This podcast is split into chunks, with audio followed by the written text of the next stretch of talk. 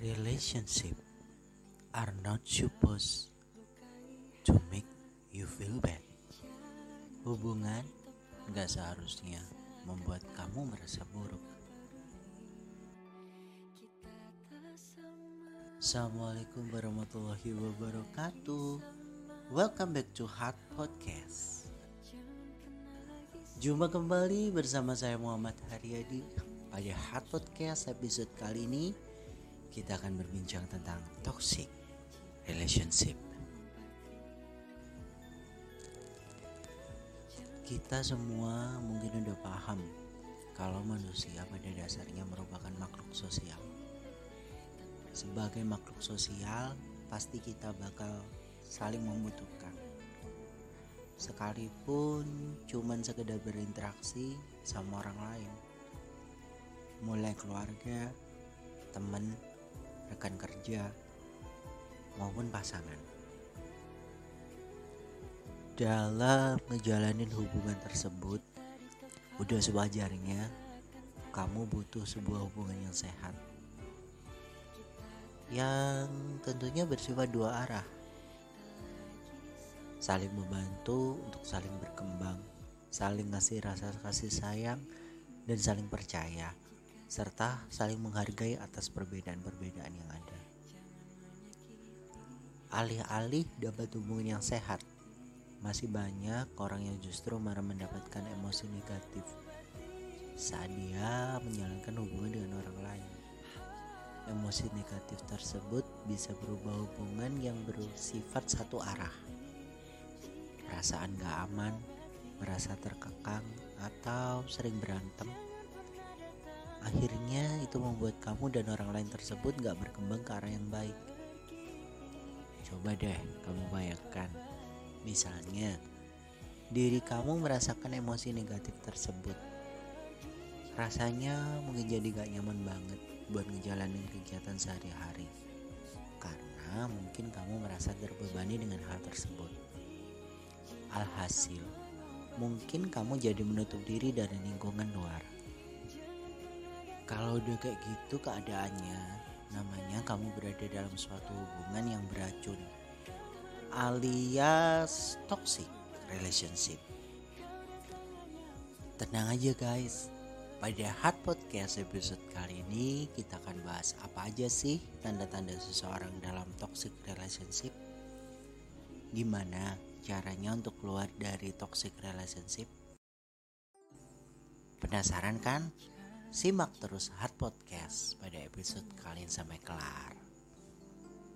Apa itu toxic relationship? Istilah toxic diartikan sebagai mengandung atau menjadi bahan beracun, terutama ketika mampu menyebabkan kematian atau debilitasi serius. Istilah ini sering dipakai buat ngegambarin bahan kimia tapi sering juga dipakai untuk menggambarkan seseorang dalam hubungan. Sederhananya, toxic relationship merupakan suatu hubungan yang mencemari harga diri, kebahagiaan, pikiran, sampai cara memandang diri sendiri dan lingkungan di sekitar kamu. Hal ini tentu aja nggak baik buat diri kamu sendiri. Kenapa? Karena pada dasarnya tujuan kamu dalam menjalin hubungan untuk membantu kamu berkembang dan menjadi pribadi yang lebih baik. Bener nggak sih? Bukannya malah bikin kamu makin terpuruk. Lalu yang jadi pertanyaan, kenapa ada orang toksik dalam hubungan?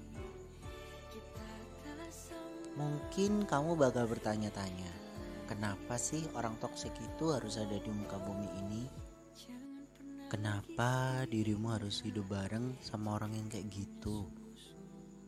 Eits, sebelum kamu berpikir begitu, mari coba kita pahami lebih lanjut alasan kenapa seseorang bisa jadi pribadi yang toksik dalam hubungan. Kira-kira kenapa ya? Perlu kamu ketahui, jenis orang toksik beragam-ragam macam.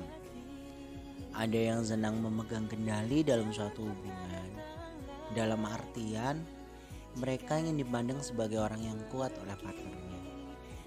Selain itu, ada orang toksik terlalu menggantungkan diri sama pasangannya.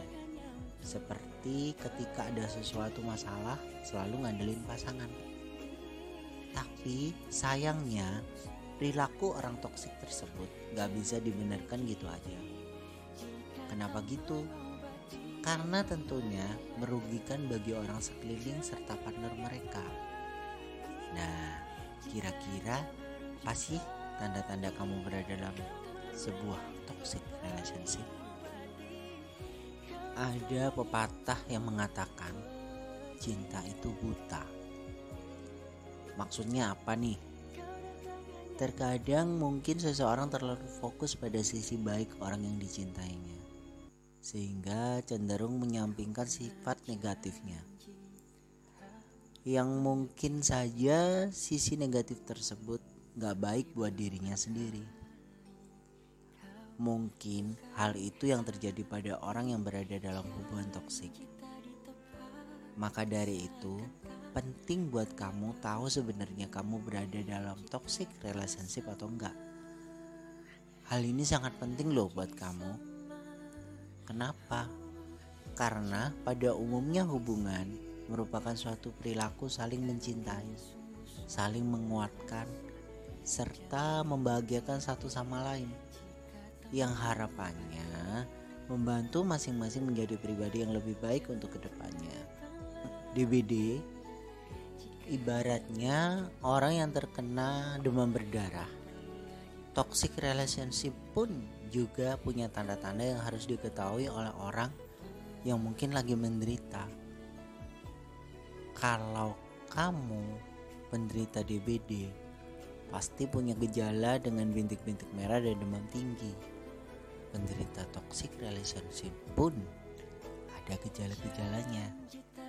Yuk, kita bahas pada Hard Podcast episode kali ini. Apa aja sih tanda-tanda toxic relationship? Salah satu tanda hubungan toksik yang pertama adalah kamu selalu ngerasa nggak nyaman setiap kali bersama partnermu.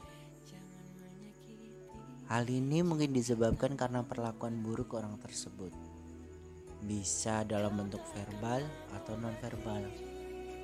Dari situ, kamu mungkin jadi merasa bahwa diri kamu nggak cukup berharga untuk dicintai. Yang akhirnya bisa mengarah pada menurunnya kepercayaan diri kamu kita ambil permisalan. Misalnya, kamu lagi jalan sama pasanganmu. Tiap kali jalan sama dia, entah kenapa, bawaannya ngerasa nggak nyaman mulu. Hal tersebut mungkin disebabkan karena perlakuannya yang nggak mengenakan dari dia ke diri kamu, atau ada hal-hal yang membuat kamu ngerasa nggak nyaman. Kalau udah gitu, Yakin masih mau diterusin? Kamu juga ngerasa gak berani buat bilang enggak. Dalam menjalani sebuah hubungan, semua orang pasti butuh yang namanya koneksi, validasi, apresiasi, sampai kasih sayang. Saat kamu mendapatkan perlakuan yang gak menyenangkan dari pasanganmu, mungkin kamu bakal sungkan untuk menolak atau membantah perkataannya. Yang bisa jadi menurut kamu gak sesuai dengan dirimu. Akhirnya kamu mungkin bakal memilih buat memendam perasaanmu dan kehilangan kebutuhan yang aku sebutkan tadi kita ambil sebuah contoh pas kamu dan pasanganmu sudah ngobrol tentang politik dan kebetulan kamu berdua punya preferensi politik yang beda saat pasanganmu berpendapat tentang sesuatu yang mungkin berbeda sama pilihan kamu, mungkin kamu bakal cenderung memilih buat gak bereaksi atas pendapat dia. Kenapa gitu? Karena di sini kamu mungkin takut dia akan marah atau berujung mendapatkan perlakuan yang gak menyenangkan dari dia. Kamu merasa privasi kamu terganggu bisa jadi itu salah satu dari tanda atau gejala kamu sedang dalam toxic relationship. Sebagian besar orang punya privasinya masing-masing. Bener nggak sih? Privasi di sini bisa meliputi rahasia yang kamu punya, sampai meluangkan waktu buat temen dan diri kamu sendiri. Kalau sampai pasangan kamu mengganggu privasi kamu, berarti dia nggak menghargai kebebasan diri kamu. Emang sih, kalau dalam hubungan, alangkah baiknya nggak ada rahasia-rahasiaan di antara kamu berdua. Cuman ya tetap aja harus tahu batasan. Karena pasangan kamu butuh waktu sama teman lainnya dan dirinya sendiri selain kamu. Setiap orang pada dasarnya bebas buat nentuin apa yang dia inginkan. Contohnya nih, saat kamu lagi sama teman-teman kamu pasangan kamu selalu nanyain kamu terus-terusan. Padahal kamu sendiri udah bilang ke dia kalau kamu mau ke mana sama siapa pulang jam berapa. Tapi dia tetap aja rasanya nggak mau lepas dari kamu seakan dia punya kendali atas kehidupan kamu. Kita lanjut ke tanda kamu dalam hubungan yang toxic relationship. Kamu merasa dibohongi. Siapa sih yang senang dibohongin sama orang lain? Apalagi sama pasangannya sendiri. Padahal kamu udah susah payah ngebangun rasa percaya antara kamu dan dia. Eh, dianya malah menyia-nyiakan kepercayaan yang kamu udah kasih ke dia. Bisa aja dia membohongi kamu atau menyelingkuhi kamu. Dan sekalinya orang merasa dibohongi atau diselingkuhi, susah buat mereka untuk kembali percaya sama pasangannya. Bisa sih buat kembali menumbuhkan rasa percaya tersebut, tapi bakal butuh waktu yang lama. Bener nggak sih? Padahal Salah satu kunci langgengnya hubungan adalah rasa saling percaya dan terbuka sama pasangannya masing-masing. Walaupun tetap aja ada batasannya, seperti privasi yang aku udah sebutkan sebelumnya. Contohnya, saat kamu bertanya sama pasanganmu, "Tadi habis pergi sama siapa?" dan jawaban dia, "Habis pergi sama si A." Padahal setelah kamu cari tahu lebih lanjut dia perginya sama si B. Emang sih orang gak ada yang luput dari kesalahan. Cuman kalau kesalahan yang dilakukan berulang kali bukannya namanya keputusan ya. Ya kita lanjut ke tanda atau gejala toxic relationship yang terakhir kamu merasa masalah kamu dan pasanganmu gak terselesaikan. Setiap hubungan bisa dibilang punya masalah tersendiri ya. Hal tersebut bisa disebabkan karena perbedaan yang ada antara kamu dan dia. Pasang surut pasti ada dalam suatu hubungan dan gak mungkin selalu ada mayem. Tinggal gimana kamunya aja mencari solusi yang tepat buat menghadapi persoalan tersebut. Nah, bedanya kalau orang dalam toxic relationship, masalahnya bukannya selesai. Masalah yang ada malah nggak selesai-selesai. Padahal rasanya dari kamu udah mengusahakan yang terbaik biar masalah kamu dan pasanganmu cepat selesai. Eh, dianya malah memperkeruh keadaan dengan tindakan toksiknya mungkin bakal ada yang ngomong ya kamu harus nyoba buat belajar ngalah lah tapi yang jadi pertanyaan mau sampai kapan kamu ngalah terus? Kita ambil contoh. Kamu dan dia punya suatu masalah yang kamu anggap sepele. Tapi lama kelamaan masalah ini terus menerus datang dan berubah jadi besar. Kalau udah gini kayaknya tanda-tandanya kamu harus pikir-pikir lagi deh buat lanjutin hubungan kamu dengan dia. Karena kamu juga punya diri kamu yang harus kamu jaga, bukan? Oke, kamu sekarang udah tahu nih apa aja tanda-tanda kamu berada dalam hubungan toksik. Dari sini mungkin bakal muncul pertanyaan baru di benak kamu.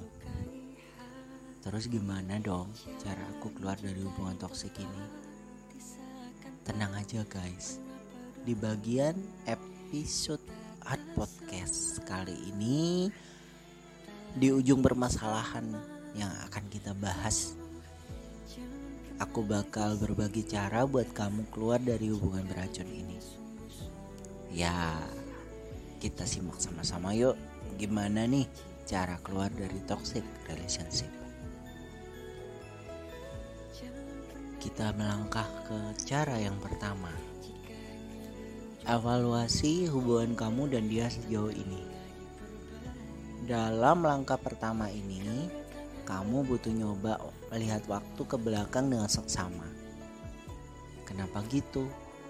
Karena hal ini menjadi langkah awal buat kamu nentuin gimana nasib kamu dan dia ke depannya. Kamu bisa coba buat list positif dan negatif jika kamu hidup tanpa dia. Dan tanyakan ke diri kamu sendiri. Apakah saat kamu lagi sama dia, bawaannya malah jadi kesal, kecewa, atau frustasi? Apakah kamu masih mau menghabiskan waktu sama dia ke depannya dengan sifat sifatnya yang kayak gitu? Atau jangan-jangan selama ini kamu cuman gak tega aja buat ninggalin dia? Apakah hubungan ini akan membuat kamu dan dia berkembang ke arah yang lebih baik? Ketiga pertanyaan sederhana ini mungkin bisa membuat evaluasi hubungan kamu dan dia sejauh ini. Yang kedua, tanyakan ke diri kamu apa yang sebenarnya yang kamu rasakan sekarang. Setelah kamu berhasil menjawab pertanyaan sebelumnya, Selanjutnya, kamu juga tanyakan apa yang sebenarnya badan kamu rasain sekarang.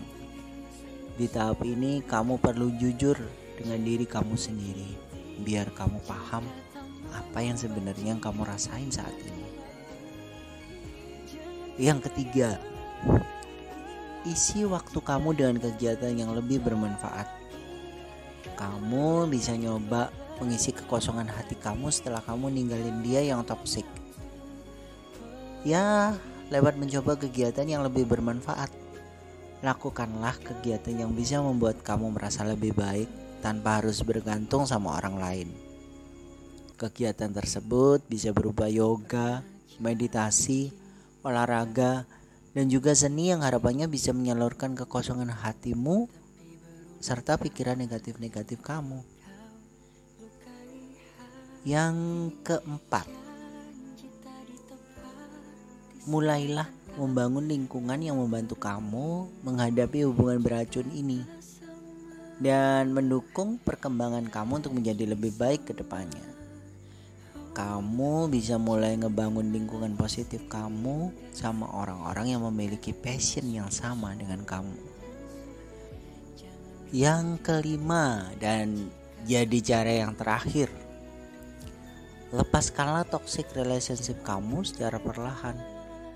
Perlahan tapi pasti. Lepaskanlah toxic relationship yang kamu jalani saat ini.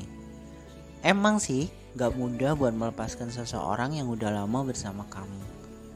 Tapi kamu harus ingat bersama tapi meracuni. Buat apa sih?